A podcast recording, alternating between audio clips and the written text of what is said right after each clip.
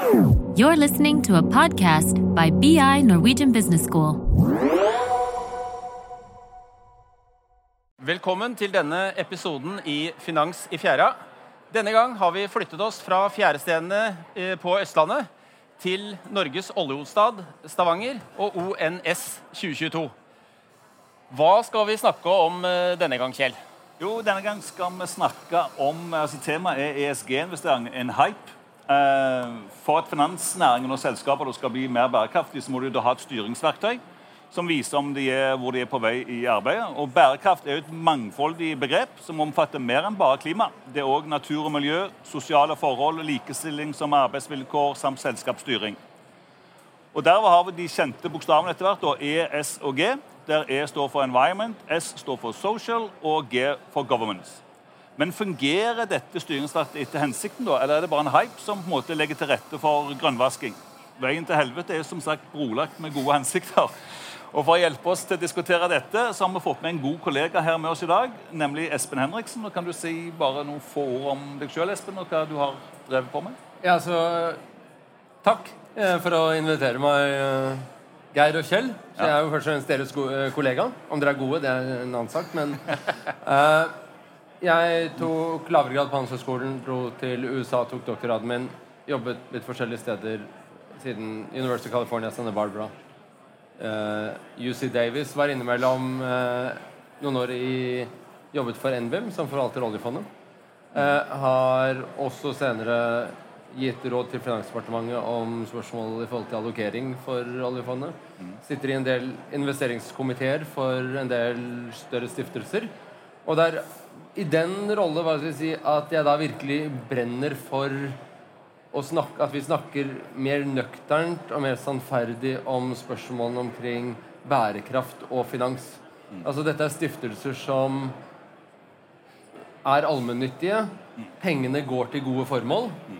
Eh, men det virker da som om mange av produktene som forsøkes å selges til slike stiftelser, ikke leverer hva de påstår at de vil gjøre. Mm. Men at de da er, samtidig har veldig høye eh, forvaltningshonorarer. Altså det er i hvert fall Det er forenlig med at det er en type mark villedende markedsføring som selskapene som selger disse produktene, virkelig tjener godt på. Ja, og- vi, vi er vel enige om eh, klodens tilstand, om at det haster å få på plass bærekraftige løsninger. Vi er Ja. ikke uenige om det? Jo, helt enig. Og det er kanskje også hvorfor jeg virkelig, virkelig brenner for dette. Eller altså å, å snakke om bærekraft og finans, og hvordan, hvordan finans kan være viktig, men at ikke nødvendigvis alle produkter som påstår å være bærekraftige, er det. Det er nettopp fordi at jeg er fryktelig redd for at hvis folk da kjøper såkalt bærekraftige finansprodukter, som antagelig ikke har noe som helst effekt på å bremse klimaendringene, at en, at de blir lurt med det, men også at man kanskje da gjør mindre av de tingene som faktisk virkelig kunne ha effekt for å stoppe klimaendringene. Men næringslivet videre må jo måtte, snu over til mer bærekraftige forretningsmodeller og trenger da finansiering fra finansmarkedene for å få dette til. Så på en eller annen måte så må vi ha må jo på en måte finansmarkedene ha noen mål for å kunne styre kapitalen dit.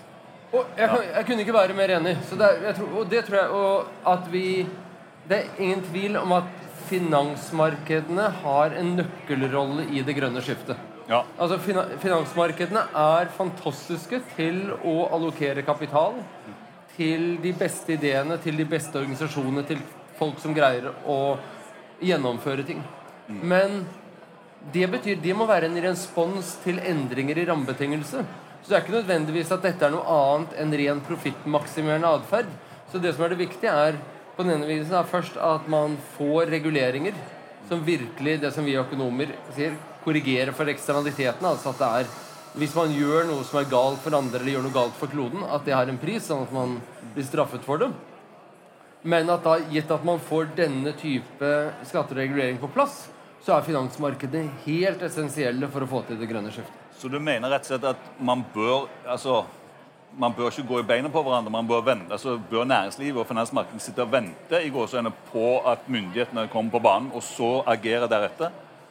Ja, eller eller bør, bør man være på alerten og, og se hvilke reguleringer som forventes å komme? Ja. Jeg tror, ja, for jeg tror veldig Eller siden vi var i og for seg enige på et eller annet liksom, normativt om at vi må gjøre noe med klimaendringene. Det er jo jeg tror det i hvert fall er gode grunner til å ha forventninger om at prisen på karbon kommer til å stige i årene frem. Mm. Alle tingene som må gjøres for at land skal kunne være i tråd med Parisavtalen.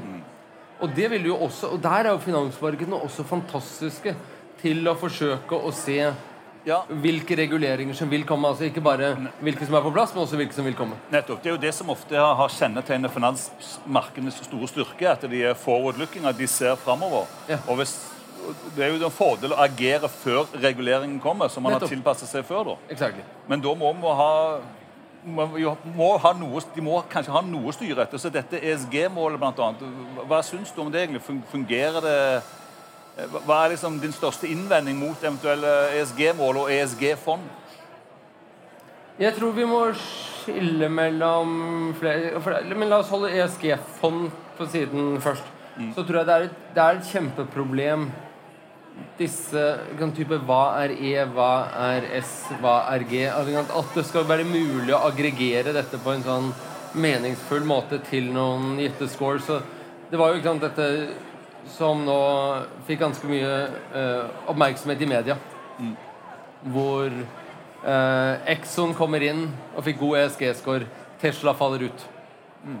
Og det jeg tror vi ikke skal underspille, er i hvilken grad dette er fordi at Exxon spiller spillet godt, og Tesla bryter, eller blåser i å spille spillet. Så det er at det blir At det egentlig er ganske meningsløse, mener jeg, mm. eh, rankinger. Mm. Men som da Det er ganske mange som tjener både på lavrankingene og, og hva skal jeg si, støtte opp i hele den industrien rundt. Ja. Uh, og som gir, gjør det veldig vanskelig å kritisere det. Men det er nettopp dette at det er veldig vanskelig å styre. Og, det, og et annet eksempel liksom, som viser hvor vanskelig det er, er hvis man tar korrelasjonen mellom ESG-ratingen på tvers av le forskjellige leverandører, så er det jo noen har jo null korrelasjon. Det er som et sånn fint hagleskudd. Ja. Og det er også veldig problematisk. Der tror vi alle er enige at uh, det er mye å gjøre rent operativt på, på hvordan man måler ESG uh, på en konsistent måte. Ja.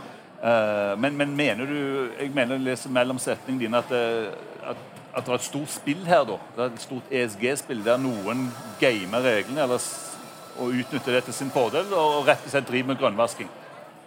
Ok, La meg ikke trekke det så langt, men la oss bare si at i hvert fall en del alfa er i hvert fall forenlig med en slik hypotese som du legger frem der. Mm. Altså mm. Uten å si at det er nødvendigvis er slik, så er det i hvert fall ikke åpenbart at det heller ikke ikke er slik. Ja, eh, vi, har jo, vi har erfart mye av det samme selv, Kjell. Vi har jo undervist i bærekraftig finans, og vi har jo selv sett hvordan disse ESG-skårene er ganske lite samvarierende. Mm. Og Vi har også sett at ESG tolkes forskjellig i ulike land. og Vi skal ikke så veldig langt ned i Europa før man ser at det er en helt ulik vekting på de ulike faktorene. Ja. Mm. Eh, vi hadde jeg skal ikke komme inn på det nå, vi hadde blant annet en, en, vi så på en sånn materialitetsmatrise fra en meget kjent bank i Nederland. Eh, mm. og, og, der ser man jo hva er viktig for våre interessenter. Eh, og hva er viktig for banken. Og, og, og, vi stusset jo på, for vi tok jo dette på direkten i, i, i klassen, eh, at f.eks. likestilling og ordnede arbeidsforhold var helt nede i bånn hos både banken og interessentene. Mens i Norge så vil jo typisk det være ting som kommer høyt opp. Ja, ja. ja og, og, dette tror jeg også er noe som er Noe annet som er ganske problematisk med type ESG, er at hvis vi tenker oss litt stilisert hvordan en velfungerende markedsøkonomi fungerer så tenker vi at vi ønsker lover og reguleringer som for, noe, gjør noe om likestilling, f.eks. ordnede arbeidsforhold osv.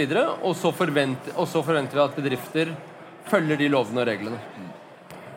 Og da er det noe med hvis vi sier at ESG altså, Det å gjøre noe annet enn det som faktisk bare er å følge loven, at det er noe vi skulle ønske, så kan vi ikke komme og si at det er noe som er generelt godt. Typ at ESG er generelt godt. For da betyr det, det vi egentlig sier der, at loven går ikke langt nok. Men det er egentlig bare en min Og da på mange områder, f.eks. klimaendringer eller klima hvor jeg mener at lovene ikke går lenger. Men jeg kan ikke da Det vil være galt for meg å si at mine meninger er gode, og alle andres meninger, i hvert fall ikke det som er konsensusmeningene som er nedfelt i lovverket, er dårlige. Skjønner du hva jeg mener? Sånn at det er noe veldig, Hvis vi skulle ta og legge merkelapp godt og dårlig på ESG, og det er noe annet enn å følge loven, så legger vi faktisk noe veldig subjektivt til grunn. Og det er jo helt greit å gjøre, men da må vi også være veldig ærlige om at det er nettopp det vi gjør. Men det er også en annen eh, side der. Eh, eh, for det er jo klart at folk flest Altså Det er jo folket som stemmer på politikere, og, stemmer på politikere som ønsker å ta f.eks. klimaspørsmål lenger i form av reguleringer. Det er også folket som gjør seg opp en mening om f.eks. at de vil kjøpe bærekraftige produkter. Så du har jo, du har jo også den effekten at, eh, at, det at folk endrer preferanser fordi at de lærer mer om klima og blir bekymret for klima, sånn som oss, mm. at de da velger annerledes. Ja. Så de, så de, aktivt da går ut og velger eh, bærekraftige produkter. Og vi ser jo etter hvert nå at flere selskaper spiller mye på det. Eh, et eksempel er jo Ikea, som legger mye innsats i hvert fall å fremstå som bærekraftig. Nettopp, men da er det jo nettopp det vi Men da uh, sier liksom, det er det, de, de, valgene vi faktisk tar. Om vi får bruke mindre energi totalt. Mm. At det vil være bærekraftig. Ja, men det er jo da at det blir ganske meningsløst samtidig. For at man må da i hvert fall få dette helhetsperspektivet, som er jo helt essensielt. At hvis jeg kjøper noen resirkulerte produkter Det var jo dette fenomenale intervjuet med en eller annen bærekraftsjef i Dagens Næringsliv for noen år siden. Som var så flink til å kildesortere. Men hun måtte fly familien til Thailand et par ganger i året, for det var så fint og vakkert med kultur. Altså, det, var det, det, var ting som overhodet ikke hang på greip. Og, så var, det var, ja. og det er nettopp det å få til reguleringer som gjør at f.eks. da denne flyturen til Thailand faktisk koster så mye og at det justerer for det CO2-utslippet som finnes. Så det er, det, det er, dit vi er nødt til å komme. Ja, Veldig godt poeng. Ja. Uh, investeringsbransjen så videre, investorer er selvfølgelig etter å maksimere avkastningen sin. Og det må de for all del aldri slutte med. og Iallfall ikke den risikojusterte forventede avkastningen. Men er det rett og slett mulig etter ditt skjønn på en måte, å do good og gjøre godt da, på en måte, uten måte, å ofre eh, for mye på den? Og er det òg si, tradisjonelt økonomiske modeller er det irrasjonelt på en måte å gå for å gjøre godt, være mer klimavennlig, mer miljøbevisst, sosialt bevisst sine egne preferanser og, og investere deretter? Ja, eller ja, Personlig så syns jeg, bare for å ta det aller, aller siste først, mm. så syns jeg det er noe veldig Det er noe helt greit med noen type eksklusjoner som er av etiske grunner. Selv om man da møter enkelte dilemmaer, men litt à la det oljefondet gjør. Som sier at eh, vi ønsker ikke å investere i atomvåpen, um, tobakk. tobakk og noen andre. Og i hvert fall Tobakk er jo i hvert fall for meg ganske udiskutabelt. Personlig så er jeg også sånn Jeg vil ikke investere selv i forbrukslånsbanker, f.eks. For også i Norge. Det er min personlige valg. Ja. Uh, ikke, men da er det ikke fordi at jeg tror at det blir færre forbrukslånsbanker i Norge av at jeg ikke har noen sparepenger der. Men bare fordi at jeg sier at det er Jeg har ikke lyst til å motta utbytte fra den type virksomhet. Sånn at, men, og det, men, og det, for det er en viktig skille ikke sant, å si jeg ønsker ikke å motta utbytte, versus å si jeg har ingen illusjon om at dette har noe som helst effekt på omfanget av virksomheten. For at vi skal gjøre noe med omfanget, så trenger vi annen regulering. Men da til og det er litt, ta det der som er det grunnleggende som eh, vi alle tre underviser. Diskonter, så det vi kaller diskonterte kontantstrømmer. Altså at verdien av et selskap er alle fremtidige overskudd som de diskonterer ned. Og hvis vi sier at det er verdien av selskap, så er det også noe som det betyr noe for verdien av um, Altså hvor, Her kan vi også tenke på hvor er det eventuelle porteføljevalg som pensjonsfondet vårt eller den stiftelse vi sitter i investeringskomiteen, eller våre personlige Og så vi sier, Da er det, det overstreken, overskuddene. Åpenbart at våre porteføljevalg ikke har noe som helst effekt. Ja. Så er det det under. Der kommer diskonteringsfaktoren. Og, der er, og da får vi Dere kjenner kanskje denne Catch 22, denne boken av Joseph Heller. ikke sant? Sånn, nei, du får ikke pose og sekk, nærmest. Og da er det jo neste at enten så har det ingen effekt, eller så har det en effekt. At vi trekker oss ut, men da betyr det at de selv, dårlige selskaper får en høyere diskonteringsfaktor, gode, gode selskaper i gåsehudene får en lavere, da betyr det at vi får i så fall lavere forventet avkastning. Så derfor så ja. Enten så gjør det hjelper, eller så får vi dårligere forventet. Kan, men kan det ikke tenkes også at eh, det med bærekraft kan være assosiert med risiko? Så det å, å eh, rigge eh, bedriften eller virksomheten bærekraftig innebærer lavere risiko enn for bedrifter som. Ja, nettopp. Og derfor lavere diskonteringssats enn bedrifter som velger å gi mindre vekt da, på bærekraft. Jo, men da tror jeg det, Men her er det jo her tror jeg vi snakker egentlig om to Kjempebra spørsmål, men her tror jeg vi egentlig snakker om to forskjellige ting. For det du sier, er hvilke valg vi tar i ledelsen av selskap. Så sier vi verden kommer til å endres. Vi tror vi kommer til å få mye større, reguler- mye større avgifter på CO2 på tvers. Ok, Så det er en risiko hvis vi slipper ut masse CO2. La oss ta ned den risikoen ved å gjøre hente andre energikilder. Og da, da kan vi også få en bedre finansiering i kapitalmarkedene fordi vi tar ned risikoen. Og da er det egentlig ikke fordi at finansmarkedene bryr seg om miljøvern som sådan, Nei. men de bryr seg om de fremtidige reguleringene som kan komme. Helt Helt, helt riktig. Det var, det var det jeg ville få frem. Dette er nesten sånn som muntlig eksamen. Så du, du sto på den der, eh, Espen. Vi må jo teste deg litt, ikke sant? jo, men, ja, men dette tror jeg er fryktelig fryktelig viktig. Det er at én er hvilke valg bedriftsledere eller bedrifter tar. Ja. Og noe annet er type hvilken effekt det eventuelt har, hvilke porteføljevalg som aksjefond og Men, men det kan jo òg være i, i- likevekt at investorer over tid og på en måte er villige til å akseptere over ti, eh, på en mellomlang sikt og en lavere forventet avkastning fordi de rett og slett har eh, et ønske om på en måte, Som du sa du har dine klare preferanser hva du ikke Ja. ønsker å motta utbytte for. og Det betyr at du begrenser jo investeringsuniverset ditt, som gjør at du måte får jo en Ja. eh, litt høyere kostnad med været i markedet, men den er du villig til å ta. fordi at eh, det er i tråd med dine egne preferanser og, og nytte og, og overbevisning. For all del. Eh, Men jeg tror det er i hvert fall to ting som er grunn til å være veldig Det ene er bare Ok, hva er det vi reelt sett gjør her, først og fremst? Det er nettopp da å Når jeg for eksempel sier jeg vil holde meg, jeg holder meg personlig unna forbruksrådsbanker. For jeg, kan lyse motta utbytte. Jeg har ingen illusjon om at det har effekt. Kanskje hvis veldig mange andre gjorde det, så vil de, da vil eventuelt kapitalkostnadene stige, men da vil også forventet avkastning stige. Og da er Problemet med finansmarkeder at hvis det ikke hadde vært noen opportunistiske, profittsøkende karer i Og det er, det er flest menn, det må vi bare innrømme. eh, I disse markedene som forsøker å utnytte alle muligheter de kan, som er lovlige. For da betyr det i så fall at det er lønnsomt for dem Ja. å kjøpe nettopp dette. På kort hvis- sikt, men på lengre Men- sikt vil du få høyere fundingkostnad i selskapene. Jo, men hvis det er det, er det ikke sant? at høyere fundingkostnader det er det samme som høyere forventet avkastning. Sånn at da, ikke sant, de som eier dette, vil også da få bedre betalt. Ja, så, så nett, det, det er et veldig godt poeng, fordi at selv om mange av oss, kanskje 70-80% da velger å ikke investere i disse forbrukslånbankene, hvis vi, hvis vi bruker det som eksempel på brune investeringer, Ja.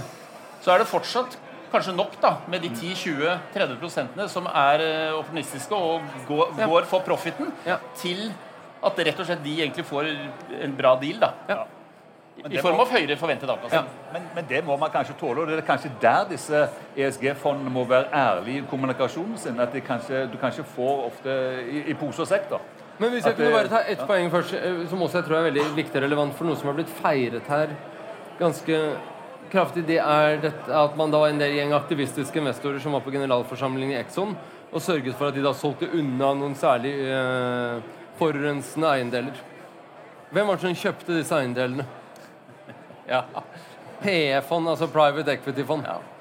Og, og type noen form for hedgefond. Ok, Så da gikk du da fra noe som var eid av børsnoterte selskaper hvor det var stor grad av transparens, til at man da hadde lukkede selskaper eller med mye mindre transparente strukturer. Og så har du da, sant, på toppen av det hele, for å gjøre ironien kanskje enda større, så har du da et universitetsfond som da har solgt seg ut av oljeselskaper. Og, så, og bare er i da børsnotert Eller altså andre børsnotert Vil da gå inn i da nettopp private equity og hedgefond for å øke forventet avkastning. Så de kjøper da akkurat de samme assetene som de da forsøker å posere med å si at disse har vi investert ut av. Og så kommer de inn i porteføljen gjennom andre strukturer. Og da, tror jeg vi, da har vi kommet til en likevekt som egentlig er mye dårligere for alle. ja, Med mindre transparens og hele pakka. Ja. Og, og, og eiendelen er akkurat de samme. Aktiviteten er akkurat den samme. Men Espen, hva, hva mener du på en måte må til da egentlig for at uh, vi skal få et effektivt styringsverktøy? Jeg, jeg, jeg, selv tror jeg bare at det, det finnes ingen vei utenom å øke skattene på utslipp. Det finnes ingen andre måter enn å korrigere og, vi, og da også nettopp, Det hjelper ikke bare om vi får større utslipp eller eventuelt gjør politikk i Norge, men vi sørger for at dette blir avtaler som blir gjennomført i hele verden. Slik som da f.eks. nå også det man snakker om å gjennomføre sånn som en sånn eh, hva, ja, Har du mer? border, altså sånn at man da også produkter som kommer inn, f.eks. til EU At de da blir også skattet for karboninnholdet som har vært i produksjonen av disse. Slik at vi da, Det er ikke mulig bare å flytte produksjon ut, og så importerer vi akkurat de samme Men i alle fall få et eller annet form for konsistent rammeverk som gjør at vi Skatter som forhindrer karbonlekkasje, som ofte ja. kalles. det. Ja. Og, da, og da tror jeg da, Og da er finansmarkedene helt fantastiske til å hjelpe til å kanalisere ressurser til de som har de beste ideene. Har, har du mer tro bare veldig kort, eh, har du mer tro på direkte eh, skatter enn enn å bruke kvotesystem og markedsbaserte løsninger for å få opp karbonprisen? Altså, Det er sidespørsmål. Jeg tror, jeg, det, det er sidespørsmål, jeg, men jeg, tror- jeg, jeg syns selv dette er fryktelig fryktelig vanskelig. Og så det, det er jo det som en del av disse politiske økonomene og liksom, En av naboene våre altså jeg mener på, på Blindern, altså naboene på BI Sånn som han Bård Harstad, fremragende norsk økonom, har jo jobbet mye med nettopp denne type spørsmål. Hva er de rette mekanismene? Og utenom at jeg kan dette så godt, så har jeg forstått at det er noen problemer. altså Kvoter er veldig fine på papiret, og så er de litt vanskeligere å få til å fungere i praksis. Ja, men det, det, det er tross alt en markedsløsning framfor å prøve å koordinere ulike politikere med ulik tidshorisont og ulike insentiver. Så dette å en koordinert politisk eksersis framfor en markedseksersis, det er liksom Ja, vi, vi, må ha den vi må ha den politiske koordinerte eksersisen. Og det er vel kanskje derfor jeg brenner litt for og det grunnen til igjen, som vi snakker om i dag, er at den er forferdelig vanskelig. Og, det fin og dette er ingenting dette, Det finnes ingen enkle løsninger her. Men den løsningen som finnes, den må gå gjennom en eller annen form for koordinert politisk handling som gjør at vi da sørger for at utslipp blir skattet på en skikkelig måte. Og da er det fryktelig farlig hvis vi selger inn produkter som sier og Der skal vi i Norge kanskje være litt glad for EU, da, som, på en måte, som eh, tråkker opp løypa litt før oss, kanskje. Det blir lettere for norske politikere å komme med en karbonskatt når eh, den allerede er i EU, tror du ikke? Men her er det vel litt av Ok, jeg tror det er litt blandede Vi har ikke kommet inn på det her nå, men slik som f.eks. denne taksonomien. Det er vel en del onde tunger, så jeg skal ikke ta stilling til utsagnet, men jeg kan jo bare gjenta det, som sier at dette er jo typisk sånn kontinentaleuropeisk byråkratisk respons når de ikke har greid å gjennomføre en skikkelig karbonskatt. Her burde de greid å gjennomføre en skikkelig karbonskatt, og istedenfor så etablerer de et sånt byråkratisk mareritt som antagelig ikke kommer til å ha veldig stor effekt, bortsett fra å ta- av fryktelig mye ressurser. Ja. Nå må, må det jo sies at mange ute i næringslivet har jo en del tro da, på eh, taksonomien. Ellers er jeg jo helt enig i at det må jo, tiltakene må jo koordineres. fordi Ja. om vi klarer f.eks. å redusere CO2-utslippene i Norge ved å elektrifisere sokkelen, så hjelper jo ikke det verden hvis akkurat de samme utslippene dermed popper opp i Tyskland f.eks. Ja. Så, så på en måte vi, vi må tenke overnasjonalt. Eh, og det er jo også sånn at utslipp i Kina av CO2 for eksempel, er jo det samme som utslipp i Europa. Så, så vi, må jo, vi må jo få til et system der hvor du også straffer utslipp i Kina, og, og også transporten fra Kina til Europa og USA. Ja. Og dette er jo ganske utfordrende, tenker jeg. Enormt utfordrende. Men det må til. Det må til, og det er, det, det er ingen vei utenom. Og det er det at, Men får man det til, så er finansmarkedene utrolig gode. Alternativt Finansmarkedene trenger jo ikke egentlig å nødvendigvis vite at det skjer. Men hvis man sier at det er en ganske stor sannsynlighet for at man får til koordinert handling. Ja. Slik at vi tror at det er sånn verden kommer til å se ut, så kommer vi til å allokere ressurser deretter. Liksom. Apropos det vi snakket om risiko, og at man er fremoversynte. Ja, for reguleringene de vil jo øh, åpenbart påvirke cashloven til selskapene. Ved karbonskatter og sånne ting. Og kan potensielt også påvirke øh, diskonteringsrenten, altså Ja. kapitalavkastningskravet. Ja. Og sånn sett få konsekvenser. Men så er det store spørsmålet da hvordan får man dette til? Ja.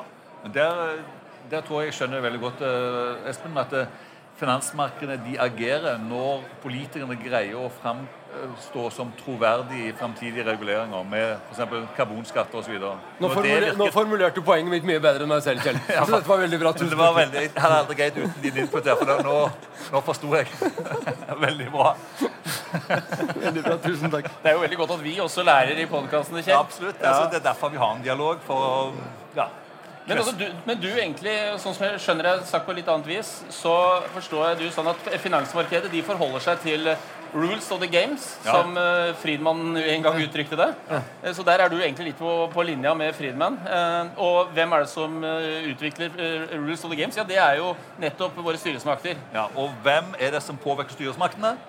Oss som velgere. Oss som velger. Så det hele munner jo egentlig litt ut i at det, det haster å få utdanna folk til å forstå eh, de problemene som verden står overfor, og også bli villig til å ta konsekvensen av det. Er det, er det, er det måten å si Det er det ene. Men hvis jeg kunne få lov til å legge til ett poeng nå på tampen Ja. Ja. Fordi at vi, eh, Kjell begynte å snakke om ESG.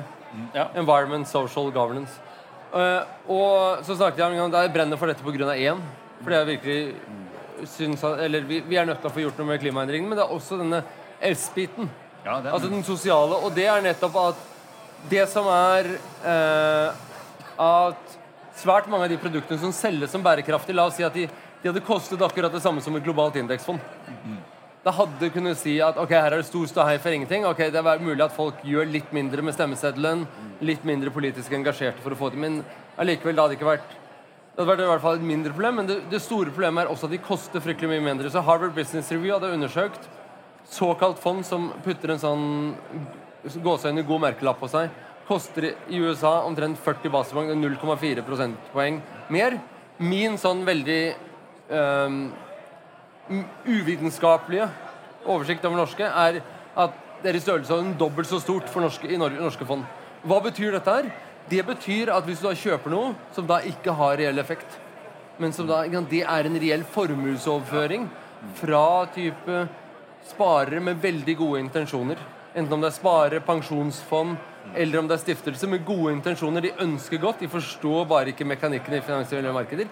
Og overføring fra dem til eierne og eventuelt ledelse gjennom bonusordninger av disse kapitalmarkedsbedriftene som selger og markedsfører disse fondene. Og det er for meg også sosialt veldig problematisk.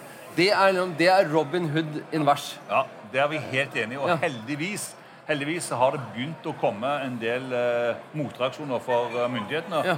Bl.a. Blant annet Deutsche Börse fond, Ja. jeg husker ikke hva det Ja. het i farten, ble Ja. jo Ja. straffa og fikk en skikkelig rapp på fingrene Ja. der. Så det er vi helt enige i. Det er no good. Ja, så det, det er jo et kjempeviktig poeng eh, Espen eh, har her. Eh, og, og det å utnytte eh, eh, hypen Det er jo ikke en hype, egentlig, men altså utnytte dette med bærekraft for å flå uh, uvitende kunder. Med gode Det- intensjoner. Med gode intensjoner. Det kan i hvert fall ikke sies å være bærekraftig. Det er antibærekraft. Ja. Så, så, det, så, så, så også bærekraft kan jo da sånn sett utnyttes, da. Absolutt. Og det det nok en gang må politikere når det regulerer myndighet, må ha troverdige ris bak speilet og følge opp. da. Det er litt sånn som innsidehandel. sant? Det er veldig lukrativt, veldig lønnsomt, og sannsynlig for å bli tatt er veldig liten. Der må sanksjonene være kraftige. Men, men skal vi i det hele tatt gjøre noe med finansmarkedet, eller skal vi bare beholde det sånn som det er? Jeg tror at øh, Hva skal jeg si I alle fall ikke være hyklersk. Altså ikke ta og si at du gjør godt, når du egentlig utnytter sparere med gode intensjoner. Og driver en sånn formuesoverføring. Mm. men så tror jeg nettopp det viktige er å finne denne gode balansegangen mellom type pålagt informasjons... øh, eller hvilken inf- informasjon selskapene må oppgi og hvilken informasjon de faktisk da vil være villige til å oppgi. Hvis vi tror at på konkurranseutsatte markeder så er det ikke åpenbart heller at vi trenger mer regulering på ting som da skal avdekke lønnsomhet. Det vil, da være, det vil i så fall være parametere som selskaper har insentiver Gode selskaper vil ha insentiver til å fortelle om selv Ja. til investorer, nettopp for å få fortelle at våre kontantstrømmer i fremtiden er høye, vår risiko er lav, vi har tatt de rette valgene. Gi oss en lav kapitalkostnad. Men taksonomien har jo egentlig til hensikt måte, å framskaffe den Men informasjonen. det, er, men det er det som ikke er helt åpenbart, er hvorfor du da trenger en taksonomi. Hvorfor trenger du dette på lovverket? Jeg tror at det er mye viktigere at man da faktisk har et lovverk som sørger for at man skatter utslipp. Og da at man sørger for sosiale forhold i den grad vi ønsker å enda større grad fremme likestilling, eh, ordnede arbeidsforhold, så må det komme gjennom lovverket. Og, ja. Jeg kan jo sånn, Nå nærmer vi oss eh, slutten her, men eh, vi har jo hatt eh, mange studenter, altså eksekutivstudenter, om tema bærekraftig finans. Og det slår oss at mange banker for eksempel, de, de har satt i gang programmet for å lære opp små og mellomstore bedrifter til å utvikle tanker rundt bærekraft og lage en slags bærekraftstrategi. Og som eh, bonus for å være villig til å gjøre det, så får de da gjerne en lavere lånerente fra banken. Ok. Hvor, og Har du noen idé om hvorfor de gjør det? Nei, Det syns jeg er vanskelig, men jeg har tro på at Men her er det igjen en ren markedsløsning. Dette er ikke noe man trenger å gjøre fordi at EU da pålegger deg å gjøre det. Så Hvis de mener at dette er bra, og dette mener at de fører til bedre ledede bedrifter, og at de er villige derfor til å gi dem en profittsøkende bank eller villige til å gi dem lave kapitalkostnad, så høres det i hvert fall slik du presenterer det ut nå, som bare markeder som fungerer. Eller kanskje ved å sørge for eh, gode, bærekraftige bygg eh, og andre, sørge for andre bærekraftige faktorer, så kan det jo tenkes at faktisk risikoen eh, reduseres for banken som utlåner. og sånn sett så kanskje de gir deg litt lavere rente, men det kan jo hende at summa summarum så gjør de det faktisk enda bedre likevel. da. For all del. Det er akkurat det. ja. Men Espen, vi har et signaturspørsmål på slutten som vi stiller alle våre deltakere. Og derfor må vi også stille det spørsmålet til deg. Hva gjorde du sist som er bra for klimaet? Nå ble han tankefull. Ja, du, jeg ble tankefull. For jeg skal jo innrømme at jeg fløy hit til Stavanger, så nå fikk jeg litt dårlig samvittighet. Det gjorde vi òg. Ja, Sånn at også- eh, Men det er vel de um, Jeg tror valgene vi har gjort hjemme altså, Eller jo, faktisk er jeg sånn. Ikke dro på utenlandsferie i sommer. Så vi var ikke ute og fløy. Ja. Uh, vi uh, vi har gå- uh, vi har én bil, og bruker da veldig mye kollektivt og sykkel. Det er bra. Du sykler deg jobben, har jeg sett. Ja. Det er bra. Sånn at uh, Jeg skal ikke si at jeg ikke burde gjort veldig mye mer, men, eh, det- det... er i hvert fall noen av disse tankene vi har omkring disse skolene. Veldig bra. Tusen takk, Espen. Tusen takk. Tusen takk for at jeg fikk komme. Fint.